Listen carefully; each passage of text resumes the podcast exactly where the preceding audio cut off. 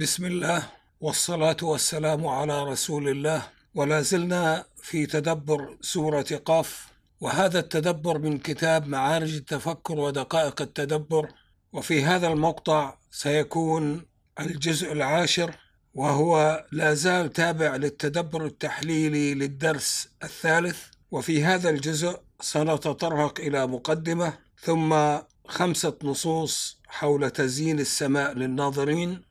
النص الأول ثم النص الثاني ثم النص الثالث والنص الثالث يشتمل على قضيتين القضية الأولى والقضية الثانية ثم النص الرابع والنص الرابع يشتمل على قضيتين القضية الأولى والقضية الثانية ثم النص الخامس ويشتمل على ثلاث قضايا القضية الأولى القضية الثانية القضية الثالثة.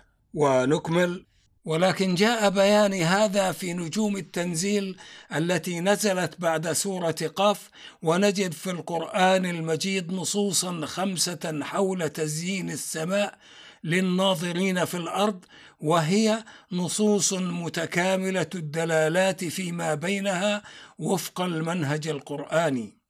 النص الأول هو هذا النص الذي نتدبره من سورة قاف وترتيبها خمسين ترتيب مصحف أربعة وثلاثين ترتيب نزول. النص الثاني قول الله عز وجل في سورة الحجر وهذه ترتيبها خمسة عشر ترتيب مصحف أربعة وخمسين ترتيب نزول. قال تعالى ولقد جعلنا في السماء بروجا وزيناها للناظرين. الآية السادسة عشر من سورة الحجر. بروجا البروج منازل الكواكب والنجوم السيارة وأصل معنى البروج في اللغة القصور العالية المشرفة المتطاولة في السماء.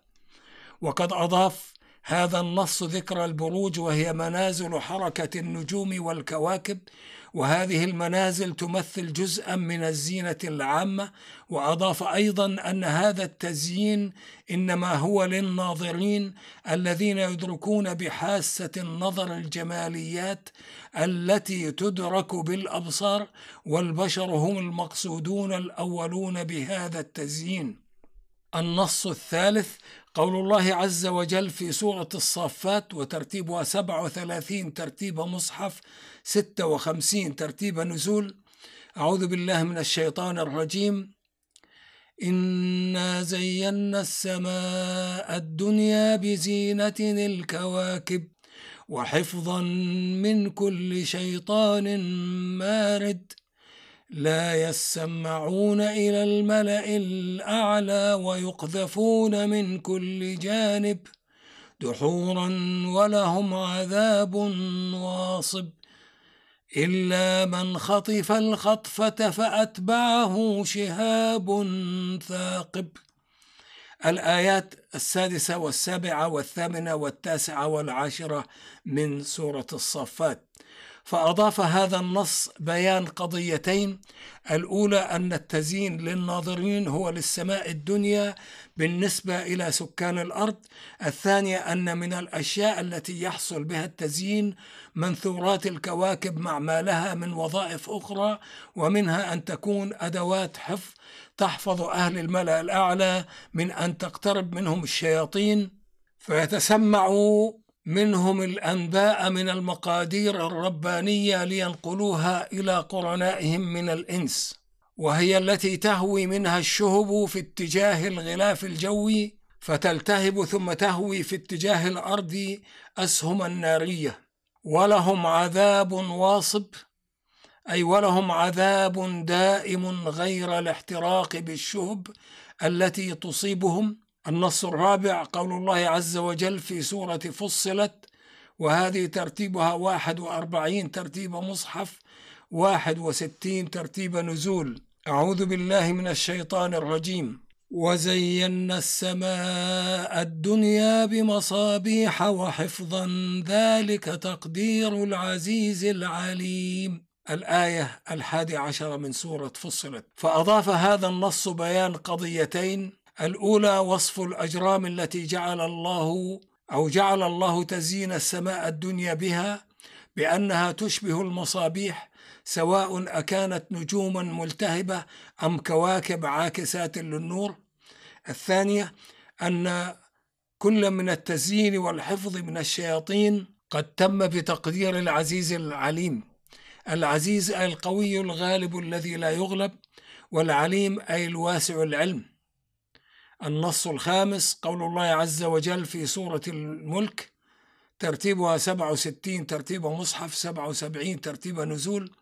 أعوذ بالله من الشيطان الرجيم ولقد زينا السماء الدنيا بمصابيح وجعلناها رجوما للشياطين وأعتدنا لهم عذاب السعير. الآية الخامسة من سورة الملك رجوما الرجوم ما يرجم من حجارة وغيرها مفردها الرجم وقد أضاف هذا النص دلالات ثلاث. الأولى تأكيد أن الله جل جلاله بعظمة ربوبيته وسلطانه زين السماء الدنيا بمصابيح بعبارة لقد لقد زينا. الثانية أن حفظ السماء من الشياطين يكون برجمهم بما زين به السماء الدنيا من مصاميح من مصابيح. الثالثة أن العذاب الواصب الدائم الذي أعده الله لهم هو عذاب السعير في جهنم. قول الله تعالى وما لها من فروج بعد قول تعالى أفلم ينظروا إلى السماء فوقهم كيف بنيناها وزيناها؟ الفروج هي الشقوق المفتوحة والمنافذ التي تكون بانفصام الالتحام بين عناصر الشيء الذي له وحدة كلية متماسكة والسماء بنظامها المتماسك خالية من الشقوق والمنافذ التي تيسر دخول أشياء قضى الله بنظامه العام لها أن لا تدخل فيها أو تعرض تماسكها أو تعرض تماسكها لحدوث خلل فيها يفسد نظامها أو نظامها. وتماسك كل شيء يكون بحسب نظامه وشقوق كل شيء تكون بحسب نظامه. والفروج تكون في كل شيء بحسب نظامه. إن تماسك أجرام المجموعة الشمسية بقانون الجاذبية الرباني ليس فيه شقوق ولا فروج ولو كان فيه شيء من ذلك لاختل التماسك والتجاذب بينها ولحدث فيها فساد في أبعادها وفي مداراتها وفي أبراجها ومن شأن هذا الفساد أن تبتلع الشمس مجموعتها أو تضل أجرام منها في أبعاد فسيحة من مجراتها فتلتحق بنجوم أخرى أو تبتلعها نجوم أخرى. إن الفروج في النباتات تفطرات وتشققات في أجرامها بحسب مقاديرها وأن الفروج في الأجساد فتحات فيها وأن الفروج في الأرض وفي الجبال شقوق قد تكون عظيمة جدا تنشأ عنها. في الجبال وديان سحيقة وفي سائر الأرض بحار عظيمة وأن الفروج في الغلاف الغازي المحيط بالأرض تشققات. إذا حدثت وصلت إلى الأرض أشعة شديدة الخطر والضرر على الأحياء والنباتات من الشمس ومن أشعة كونية أخرى وسبق أن عرفنا أن الغلاف الغازي المحيط بالأرض يطلق عليه في اللغة سماء. وهنا أتساءل هل يصلح أن يكون هذا الغلاف الغازي هو المراد بالسماء الدنيا مع دلالة قوله تعالى في الآية فوقهم لأنه هو المحيط بهم من فوقهم؟ إذ لو لم تكن لهذه الفوقية دلالة خاصة لكانت من فضول القول فكل السماوات هي فوق الناس الساكنين في الأرض والله أعلم. وسبق بيان أن عبارة فوقهم تفيد شد أنظار الناس إلى الاتقاء عن مواطئ الأقدام إلى ما فوق الرؤوس من أبعاد. قول الله تعالى والأرض مددناها أي جعلناها ذات امتداد في بعدين متقابلين كتمدد السقاء, السقاء وهو ظرف الماء المتخذ من الجلد وهو ما يسمى بالقربة ويقال لغة تمدد الرجل أي تمطى وتطاول وأصل المد في اللغة الجذب وقد يكون المراد أيضا بمدها مدها بالخيرات والمعادن ومواد الخصب والعناصر النافعة للعباد. تقول لغة مددت الأرض مدا أي زدت فيها ترابا أو سمادا أو غيرها ليكون أعمر لها وأكثر ريعا لزرعها. ويقال في اللغة للرمال وللسماد مداد الأرض. ومنه يقال لما يرسل من محاربين للجيش المقاتل مدد وواقع حال الأرض التي جعلها الله عز وجل دار سكن الناس في حياة الدنيا يشهد بأنها متمددة كتمدد السقاء وأن الله جلت حكمته وعظمت نعمه قد أمدها بعناصر وفيرة لرزق العباد ومنافعهم والتدبر الأمثل يدعو إلى حمل اللفظ على معنييه فكل منهما يدل على إتقان صنع الله وكمال حكمته وعظيم رحمته وعنايته بعباده. قول الله تعالى وألقينا فيها رواسي أي وألقينا في الأرض جبالا ثوابت رواسخ ثبتت قشرتها. يقال لغة رسى الشيء يرسو رسوا ورسوا ورسوا أي ثبت ويقال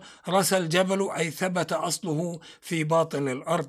وكلمة رواسي هي في الأصل صفة لموصوف محذوف هي الجبال. ولكثرة استعمالها صفة للجبال استغني عن ذكر الموصوف ونزلت الصفة منزلته في أصل, في أصل الدلالة مع زيادة معنى الثبوت والرسوخ ولعل في كون الجبال ملقاة إلقاء إشارة إلى أن الأرض كانت ممددة كالسقاء ثم حصلت فيها تفجرات بركانية نجم عنها ترامي حمم بركانية في الجو وألقيت هذه الحمم في الفجوات التي أحدثتها البراكين العظمى فكانت الجبال الرواسي.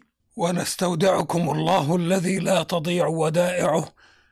والسلام عليكم ورحمة الله وبركاته.